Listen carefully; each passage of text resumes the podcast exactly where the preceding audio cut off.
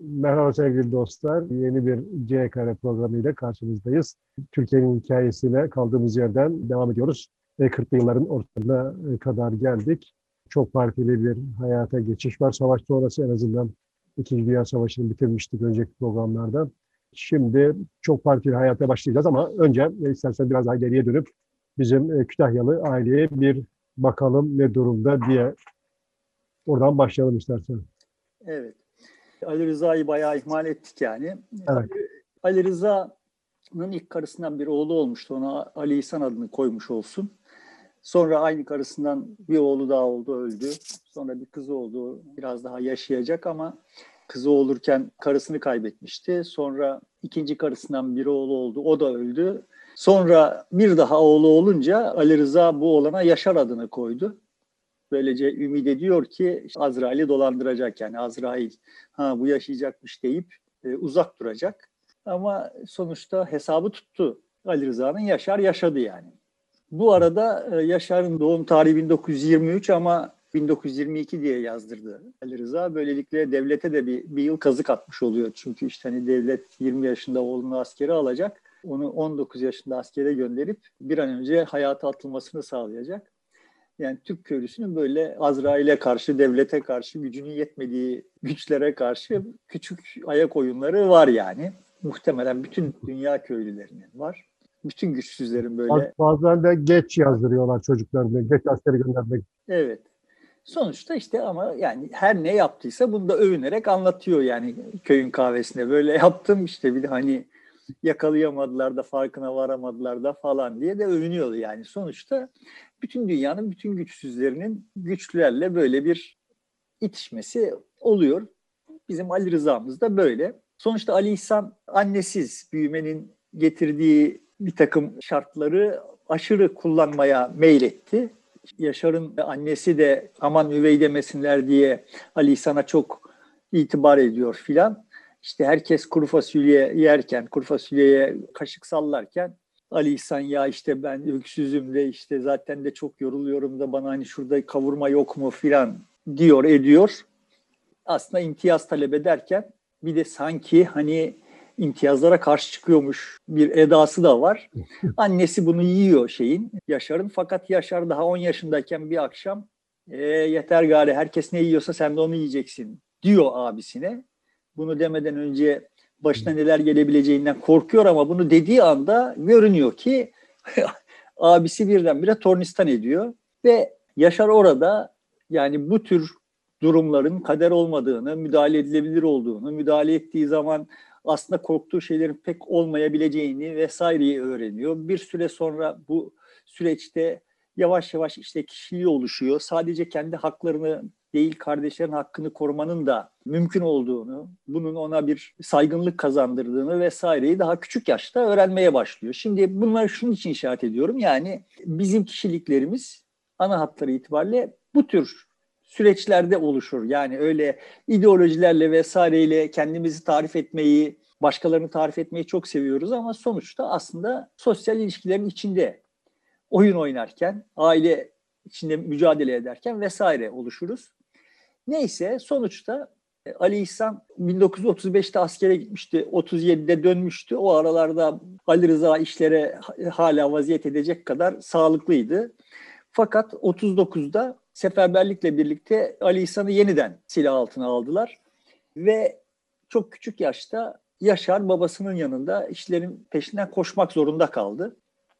Sonra 42'de Ali İhsan askerden döndü ve birkaç ay sonra Yaşar'a celp geldi. Yaşar askere gidecek. 20 şey, yaşını doldurdu diye 1942'nin Kasım'ında teslim olacak. Ve Yaşar'a Van çıktı. Yani Yaşar şimdi Van'a gidecek. Van diye bir yer olduğunu bilmiyor o tarihe kadar. Nasıl gidilebilir olduğunu da bilmiyor. İşte askerlik şubesinden tarif ettiler. Yaşar okuma yazma da bilmiyor kendi ailesinin içinde kardeşlerin idolü vesaire falan filan ama Yaşar Van'ı da bilmiyor, okuma yazmayı da bilmiyor, hiçbir şey de bilmiyor yani. Neyse annesi e, bavul ta, tahta bavulu doldurdu, hazırladı. Ali İhsan kardeşini at arabasına bindirdi ve Kütahya Garı'na götürdü. Kütahya Garı'ndan trene bindi Yaşar. Dört gün, dört gece Erzurum'a kadar gitti. Erzurum'da indi trenden. Yol boyunca işte önce yeşillikler bitti, sonra sarılıklar bitti, sonra grilikler bitti, beyazlıklar başladı. Ve Erzurum'da garda indiği zaman işte Van'a nasıl gideceğim hemşerim ben diye sordu sağa sola. Okuma yazma biliyor musun dediler. Bilmiyorum dedi. İşte elinden tuttular. Hemen garın yanındaki otobüs işletmelerini oraya götürdüler. Aha bu otobüse bineceksin dediler. Bindi o otobüse ve 26 saatte Van'a gitti. Van'da otobüsten indiği zaman hemen orada çığırtkanlar garnizona gidecek olanları topluyorlar. İşte bir minibüse bindirdiler. Hatta şöyle yapalım orada askeriye karşılasın yani. Askeri inzibatlar karşılamış olsun. Kurda kuşa yem etmemek için er adaylarını. Bunları topladılar. Garnizona götürdüler. Koğuşlarını gösterdiler, giydirdiler vesaire. Sonra topladılar. İki tane hususta bilgilendirecekler. Birincisi frengi diye bir hastalık var. Devletimiz çok uzun süredir bu hastalıkla mücadele ediyor. Bu hastalık kamuoyunda halk, millet bunu zührevi bir hastalık olarak görür. Dolayısıyla utanır. Utandığı için de müdahale etmez. Sonra bakın bu çok fena halde başınızı belaya sokabilir. Geçti zannedersiniz geçmez. Sonra bir daha başınıza geldiğinde kendisini tekrarladığında ölmüş olmayı istersiniz. Çünkü eğer ölmemişseniz delirirsiniz filan diye uyardılar, korkuttular. Hani böyle bir şeyler olursa avret mahallelerinizde şöyle kabartılar görürseniz hemen revire gideceksiniz dediler. Birincisi bu. ikincisi birkaç ay sonra çarşı iznine falan çıkacaksınız. Ee, şehirde insanlar sizin bildiğiniz dille konuşmuyor olacaklar. Bunu da yadırgamayın dediler. Yaşar'ın bu işe aklı ermedi. Yani başka diller de olabileceğine o tarihe kadar hiç şahit olmamıştı. Herkesin hep aynı dili konuştuğunu zannediyordu. Konuştuğu dilin Türkçe olduğunu da mesela orada öğrendi yani. Neyse. Bu arada tabii haliyle işte askerlik başladı, talimler vesaireler başladı, eğitimler başladı ve Ali okulları başladı. Okuma yazma bilmeyenlere devlet askerde okuma yazma öğretmeye çalışıyor. Yaşar kendine güvenen, dışa dönük vesaire filan falan zeki de bir çocuk. Kısa süre içinde okuma yazmayı çözdü ve bu işten çok zevk aldı.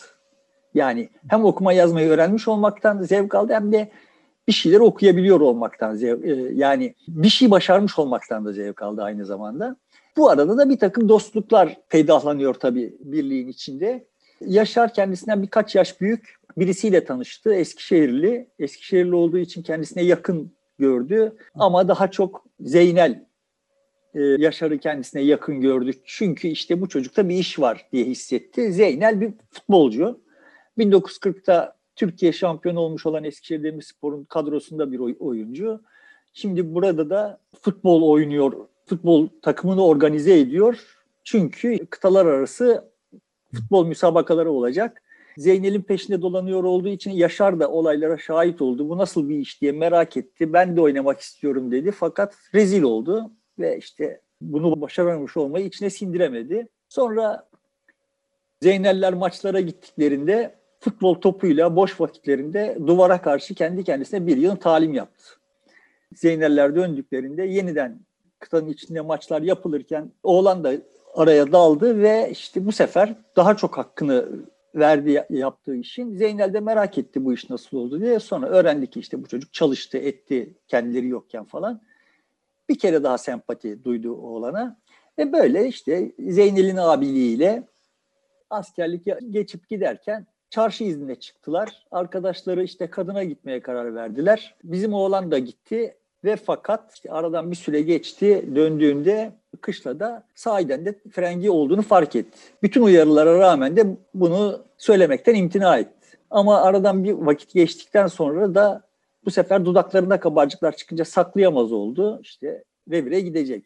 Bu arada ama başka çarşı izinlerinde bu sefer artık korktuğu için arkadaşlarının peşinden gitmiyor. İşte şehrin içinde öyle dolanıyor. Ağır ağır Kürtçe de öğreniyor esnafla sohbet ederken. Esnafın birisinde bir çakı gördü. Bu nasıl bir iş? Ya bu nasıl bir çakı diye bakındı filan falan. İşte bu kaçaktır. İsviçre çakısı. Senin olduğun memlekette buna işte en az 20 kayme verirler ama ben sana işte 5 kaymeye veririm filanlar üzerinden pazarlıklar oldu. İşte iki buçuk liralık çakıyı 4 liraya aldı Yaşar. Bundan da çok mutlu oldu. Sonra işte kışlada boş vakitlerinde o çakıyla bir şeyler oymaya falan falan başladı.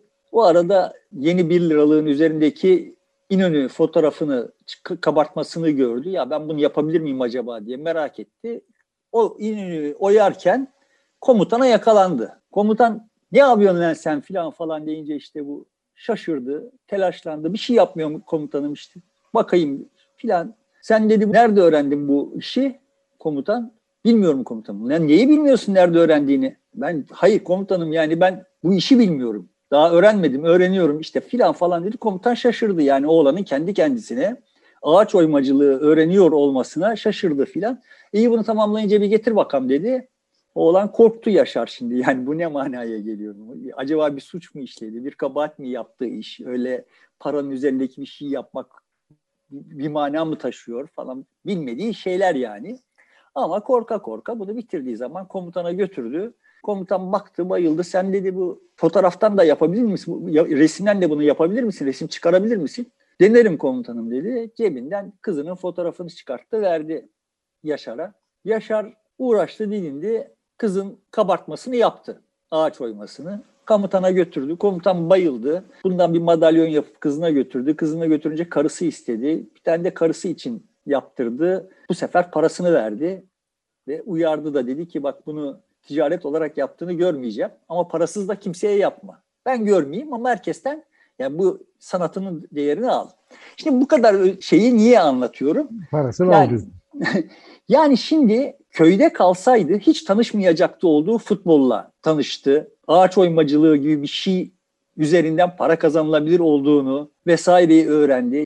Bunlara isteyen istediğini ekleyebilir yani. Fotoğrafçı, bölüğün fotoğrafçısının işine merak edip fotoğrafçılık öğrenmeye işte karanlık odayı görmeye falan gidebilir. Gibi gibi sonuçta o asker ocağında aslında köyde kalsaydı hiç varlığına şahit olmayacaktı olduğu birçok şeyi bu arada Kürtçeyi vesaireyi filan tanıdı Yaşar. Yaşar böyle şekillendi yani.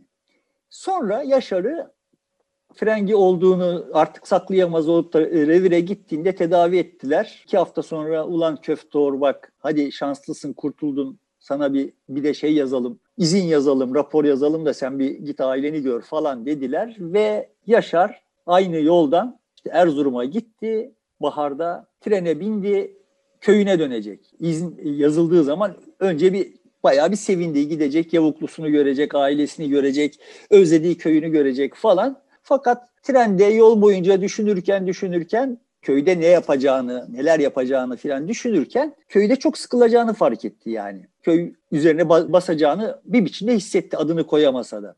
Bu arada niyeti şuydu askere giderken. İşte bir buçuk iki yıl sonra izne gelecek. İzne geldiğinde yavuklusuna nikah yapacak. Babasını razı edecek. Yavuklusuna nikah yapacak. Babasının yanına yerleştirecek. Askerden döndüğünde de baba olarak dönecek. Yani şimdi böyle de bir planı var idi. Ondan sonra da işte artık köyde hayatını kurup devam edecek gibi bir hayali vardı. Şimdi artık bütün bunların çok da kendisine cazip gelmediğini de hissetti Yaşar. Ve ama sonuçta annesini falan görünce işte coşkuyla yavuklusunu görünce coşkuyla yaşadı birkaç gün. Birkaç hafta, iki ay oldu ve sıkılmaya başladı normalde döneceği o tarihten işte birkaç gün önce artık sıkıntı bastığı için birkaç gün önce döndü. Van'a geldi ve Van'da bir, bir tuhaflık var. Yani bıraktığı Van değil. Şehirde bir yüksek atmosfer var yani adını da koyamıyor. Sonunda esnafın birisi daha önceden tanışmış olduğu esnafın birisi dedik sen şehirde dolaşma fazla iyisi mi? Sen bir an önce kışlarına katıl. Hayrola filan falan boş ver boş ver sen bir an önce git dedi. Neyse bir aksilik olduğunu anladı yani Yaşar ve kışlaya döndü, garnizona döndü. Garnizonda eşeleyince anladı ki, öğrendi ki meşhur 33 kurşun hadisesi vuku bulmuş. Van'da bir gerginlik var. Bu yüzden bir gerginlik var. Kışlada da bir gerginlik var yani. Bu vesileyle biz hani 40'lı yılların kritik meselelerinden bir tanesi olan bu Muğlalı hadisesinde bir konuşmuş olalım bu vesileyle. Ve bu vesileyle şunu da görmüş olalım. Sıradan insanın gündeminde bu, bu tür konular girmeye kalktığı zaman yani sıradan insanlar bu tür konulara muhatap oldukları zaman ne kadar çaresiz olabildiklerini, ne kadar e, enstrümansız, donanımsız olabildiklerini, dolayısıyla hangi argümanlara nasıl itibar edebileceklerini filan da görmüş olalım. Şimdi Yaşar döndü ve biraz eşeleyince işte öğrendi ki bir general gelmiş Van'ın Aşkale ilçesinde birçok kişiyi kurşuna dizdirmiş. Van Özalp ilçesinde. Evet, Özalp ilçesinde sınır boyunda. Şimdi hadisenin teferruatını bilmiyor. Yani o zaman kaç kişi biliyor hadisenin teferruatını onu da bilmiyoruz. Ama hani şimdiden bakınca biz de zaten çok iyi bilmiyoruz. Hadise şöyle bir hadise gibi görünüyor. Yani bir kaçakçılık olayı var İran sınırıyla. İran o sırada Rus ve İngiliz işgali altında savaş sürüyor. İran petrollerine ve Bakü petrollerine Almanlar erişemesin diye İngilizler ve Ruslar İran'ı işgal etmişler. Ve o İran sınırında tarih boyunca hep olmuş olan e, dünyanın en eski sınırlarından bir tanesi olan o sınırda iki, tar- iki yakası arasında sonuçta hep ol- oluyor olan kaçakçılık hadisesi devam ederken bir şekilde devlet bu kaçakçılıkla casusluk faaliyetleri arasında zaten iyice paranoyak olmuş olan devlet yani bir tarafında işte Almanlar bir tarafında Ruslar sandviç olmuş ve kimin kendisine nasıl bir tuzak kuracağını hesaplayıp durmaktan paranoyak olmuş olan devlet sıradan bir kaçakçılık faaliyeti gibi görünen bu faaliyetle her nedense tam da o faaliyetle casusluk arasında bir irtibat kuruyor ve işte Ankara'dan bu duruma vaziyet etmek için İçişleri Bakanlığı'ndan sivil bir takım görevlilerle birlikte bir de bir general gönderiliyor yani. Daha önce bu tür görevlerde kendisinden fena halde faydelenmiş olan, faydelenilmiş olan bir general gönderiliyor. Mustafa Muğlalı Doğu Anadolu'da görevlendirilmiş bölge komutanı Kazım Karabekir Paşa'dan sonra bölgeye gelmiş en kudretli e, bir komutan olarak biliniyor ve orada e, sükunu sağlamış birisi olarak da değerlendiriliyor. Evet, sonuçta şimdi hadise şöyle gerçekleşiyor anladığımız kadarıyla. 40 civarında köylü casusluk şüphesiyle yargılanıyor. Bunların 5 tutuklanıyor, kalanları serbest bırakılıyor. Bu serbest bırakılanların peşine düşüyor Mustafa Muğlalı ve bunları infaz ediyor. Şimdi bu hadise dönemin ruh durumunu anlamak için çok fazla mesai harcamış olan benim gibi birini bile, birisi için bile kara delik yani. Nasıl bir ruh Evet. durumudur? Şimdi biz bir Asteğmen'den söz etmiyoruz yani. Tabii. Balkan Savaşı'nda savaşmış, işte Çanakkale'de savaşmış, milli mücadelede savaşmış, Birinci Dünya Har- Harbi'nde savaşmış daha önce. Bir generalden söz ediyoruz. Yani devlet tecrübesi olan, komuta tecrübesi olan bir generalden söz ediyoruz. Şunu bilmiyorum mesela sahiden bilmiyorum. Benzer bir durumda o köylüler Kürt olmasa, Türk olsa Mustafa Muğla'la aynı şiddetlikle davranabilir mi? Aynı şiddetle davranabilir mi? Aynı umursamazlıkla davranabilir mi bilmiyorum yani. yani bu meselede bir Kürtlük var mı? Kürdün canı mı bu kadar ucuz? Bunu sahiden bilmiyorum. Şimdi tabii ki Van halkının bu işi bu işi ancak Kürt'e yaparsınız diye algıladığı ortaya çıkıyor. Bunu anlayabiliyoruz yani. Ama devletin sahiden de vatandaşının canını bu kadar ucuz görmesi mi mesele yoksa Kürt'e ka- karşı bu kadar haşin olması mı onu açıkçası bilmiyorum. Ama her durumda ben olarak bir Kürt hareketi de yok. Yani devletin ortada bir sebep de yok. De e, kullanabileceği. Evet yani sonuçta şimdi ne, ne olmuş oluyor? Yani şöyle bir şey olsa şimdiki zamanda yapılıyor olduğu gibi yani orada işte kaçakçı köylüler var bunları başka kaçakçılara para verip vurdursan kırdırsan falan. Hadi bu da şimdi anlaşılabilir bir şey ama yani devletin askerlerini kullanarak davadan beraat etmiş olanları sınır boyunda infaz ediyorsun. Yani şimdi şahitler var falan. Yani bu pervasızlığı da anlayamıyorum yani. Yani Birisi kaçıp kurtulmuş zaten. O açıklıyor olayları. evet. Ee, şeyden dizilen, dizilmek için alınanlardan birisi kurtuluyor. Evet. Ee, yani zaten bir kadın var o kadını anladığım kadarıyla daha önce kurtarıyorlar gibi bir şeyler. Yani çoluk çocuk da var işin içinde bir de. Yani 11 yaşında bir çocuk da var falan. Yani çok anlaşılmaz bir hikaye. Şimdi kaçıp kurtulan anlatmasa da yani o askerler anlatacak. Yani o bugün anlatmasa üç gün sonra anlatacak. Üç gün sonra değilse üç yıl sonra anlatacak. Yani kendilerine o emir verilen askerler anlatacak. Yani yapılan iş cinayet görünüyor. Öyle görünüyor şimdi buradan bakınca. Yani dolayısıyla sahiden benim aklımın ermeyeceği kadar karışık bir hikaye bu hikaye yani. Bu Muğla'lı hadisesi. Senin aklın erdiği şeyleri varsa Yani ortada e, izah edilebilecek herhangi bir şey de yok. Yani bir e, çatışma olabilir, orada bir casusluk daha önce olayı yaşanmış olabilir ya da bir isyan, bir kalkışma olabilir. Ondan dolayı yaptı denebilir ama buna dair herhangi bir iz de yok.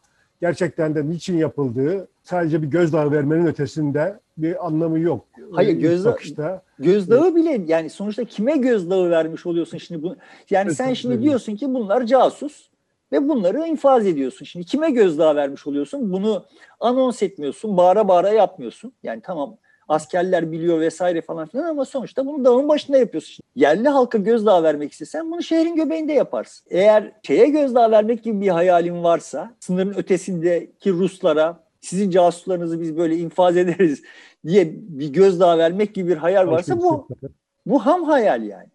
Dediğim gibi bir asteğmen böyle bir hayal kurabilir de koskoca bir general bilmem kaç yıllık kurmay. Şimdi böyle bir hayal kurabilir mi? İzahı e, çok kolay olan bir şey değil. Yani neden yapıldığını anlamak çok kolay değil. Bir mantığını bulmak.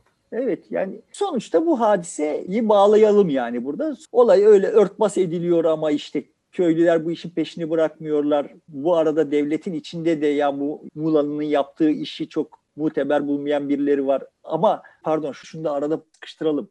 Sonuçta şimdi orada sivil otorite, yerel sivil otorite bu e, işe hiç bulaşmamak için elinden geleni yapıyor yani. Yani orada şeyi görüyoruz. Sivil devlet asker devlete bir biçimde artık biat etmiş. Yani savaş şartlarının da bunda müessir olmuş olabilir. Bölgedeki devletin paranoyası da bu- bunda müessir olmuş olabilir. Ama sonuçta asker şunu görmüş artık yani. Yani ben yaparım ve sivil otorite buna itaat eder yani. Yani biz bundan önceki programlarda işte 1920'lerden başlayarak yavaş yavaş sivil otoritenin askeri otoriteyi ötelediğini ve işte bir biçimde askerin siyaset yapmasına mani olduğunu görmüş idik. Ama bu İkinci Dünya Savaşı şartlarından istifade ve veya işte o isyanlardan istifade askeri otorite sivil otoriteyi sindirmiş. Dolayısıyla sivil yerel otoriteden herhangi bir itiraz gelmiyor, herhangi bir şey de gelmiyor. Ama Muğlalı ile birlikte orada bulunan İçişleri Bakanlığı temsilcilerinin Ankara'daki işin peşini bırakmaması vesairenin uzantısı olarak sonunda işte Muğlalı'nın peşine düşülüyor. Sonra ileride işte seçim olacak. Seçimden sonra Demokrat Parti Muğlalı'yı yargılayacak, mahkum edecek. Muğlalı bu mahkumiyeti askeri yargıtaya götürecek. Yargıtay kararı bozarken ikinci yargılamadan önce Muğlalı hakkın rahmetine kavuşacak yani.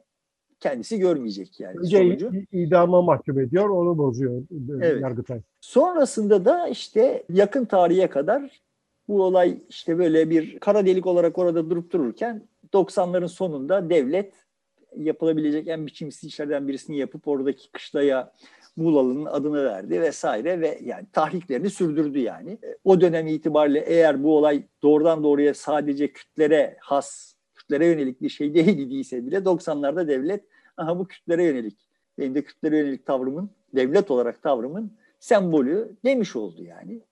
Biçimsizlikler biçimsizlikler üzerine geldi. Ama biz şimdi Yaşar'a dönelim. Yaşar O dönem en fazla Almanlara bir mesaj olabilir. Biz hani orada sizin yanınızdayız, destek vermiyoruz Ruslara da İngilizlere de falan gibi uluslararası bir şeyse olduysa ancak oraya bir mesajdır. Onun ötesinde izahı olan bir konu değil mi?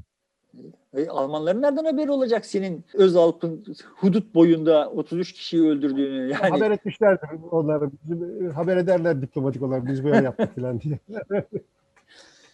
Bilmiyorum ya bana eğer öyle bir, bir devlet aklı vardıysa bilmiyorum yani ama bu neresinden tutsam elimde kalan tuhaf bir hikaye yani. Ay- Ve bu tuhaflıklar devam edecek zaten yani 40'lar neresinden tutsan elinde kalan tuhaf yıl, e, bir 10 yıl hani çok uzun konuştuk vesaire falan ama sonuçta içinde koskocaman bir dünya savaşı var. İşte senin dediğin gibi ileride işte çok partili döneme geçeceğiz. İşte bu Muğla'lı hadisesi var. Daha böyle bir yığın başka yani işte entelektüel Han gazetesinin baktık. Evet. entelektüel camiada ciddi bir yığın, türbülans bir yığın hareketlenme olacak yani. Dolayısıyla cins bir dönem. Şimdi bu cins dönemde işte böyle köyünden kalkıp gelmiş ve hayatta hiçbir şekilde karşılaş, karşılaşamayacağı köyünde kalsa hiç karşılaşamayacağı türden insanlarla karşılaşmış. Bu arada işte bir çakıyla da karşılaşmış, işte futbol topuyla da karşılaşmış vesaire. Böylelikle hayatı artık geri dönüşsüz biçimde değişmiş olan Yaşar'a dönelim biz. Yaşar şimdi kışlada ya Onu ne oldu? öbür programa bırakalım. Bunu tamamlayacağım mi? yani. Şimdi Evet. bu Muğlalı hadisesini. Yani Yaşar şimdi anlamaya çalışıyor. Meraklı da biri olan, dışa da dönük bir olan. Yani bu gerginliği anlamaya da çalışıyor. Bir de hani sonuçta yine Van'a gidecek. Yani orada hazırlıklı da olması gerekiyor. Anlamaya da çalışıyor. Sağa sola soruyor. İşte ve her malumat birbirine çelişiyor. Sonunda şimdi en güvendiği adamına Zeynel'e soruyor ne oldu diye. Zeynel de diyor ki isyan etmişlerdi. Devlete isyan bunlar zaten tamamı diyor devlete isyankar diyor. Bu Kürtlerin tamamı devlete isyankar. Daha önce de isyan etmişlerdi. Bunlar müstahak diyor ve evet bak hakikaten şimdi beni okutan, bana okuma yazma öğreten, e, hatta bu arada bir de dışarıdan ilkokul diploması da almış olsun e, Yaşar. Bana diploma da veren, futbolla tanışmamı sağlayan falan, bütün bunları yapan bu aziz devlet te isyan edenlerin edenler her şeye müstahaktır. Hükmüne varıyor ve kendi kafasındaki problem çözülmüş oluyor. Şimdi işler böyle olur yani. Buna da işaret etmiş olayım. Şimdi Yaşarların ideolojileri yani Yaşarlar bir şeyleri anlıyor vesaire falan falan filan değiller. Yaşarlar dünyayı kendi herkes gibi kendi merkezlerinden okuyorlar. Şimdi ortada bir devlet diye bir şey var ve onu almış köyünden işte Van'da üniforma vermiş. Hasta olduğunda tedavi etmiş. Ee, para kazanmasını da sağlıyor şimdi kışların içinde. Ona da göz yumuyor yani Okuma, yaz, okuma yazma öğretmiş. okuma yazma öğretmiş. Şimdi diploma vermiş. Yani şimdi de- her şey Yaşar'a göre sanki ya- yapıyor olan bir devlet var. Yaşar adam olsun diye. Yani Yaşar orada öğrenmiş oldu ki, orada fark etmiş oldu ki aslında kendisi adam olabilir bir adam. Ama köyünde onun adam, adam olabilir bir adam olduğunu ne kendisi, ne ailesi, ne köylüsü bilmiyordu. Bunun bir tek farkında devlet vardı yani. Şimdi Yaşar'ın baktığı perspektiften bakınca tablo böyle görünüyor. Şimdi bu devlete isyan eden de nankördür yani her şeye müstahaktır. Dolayısıyla maç bitti şimdi parantezi kapattı yani Yaşar. Yaşar'ın hayatına devam edeceğiz çünkü zaten biraz sonra Ali Rıza'yı öldürürüz yani. Bugünlük burada bırakalım diyorsun. Bırakalım evet burada bırakalım. Sevgili dostlar burada e, bitiriyoruz. Şimdilik hoşçakalın.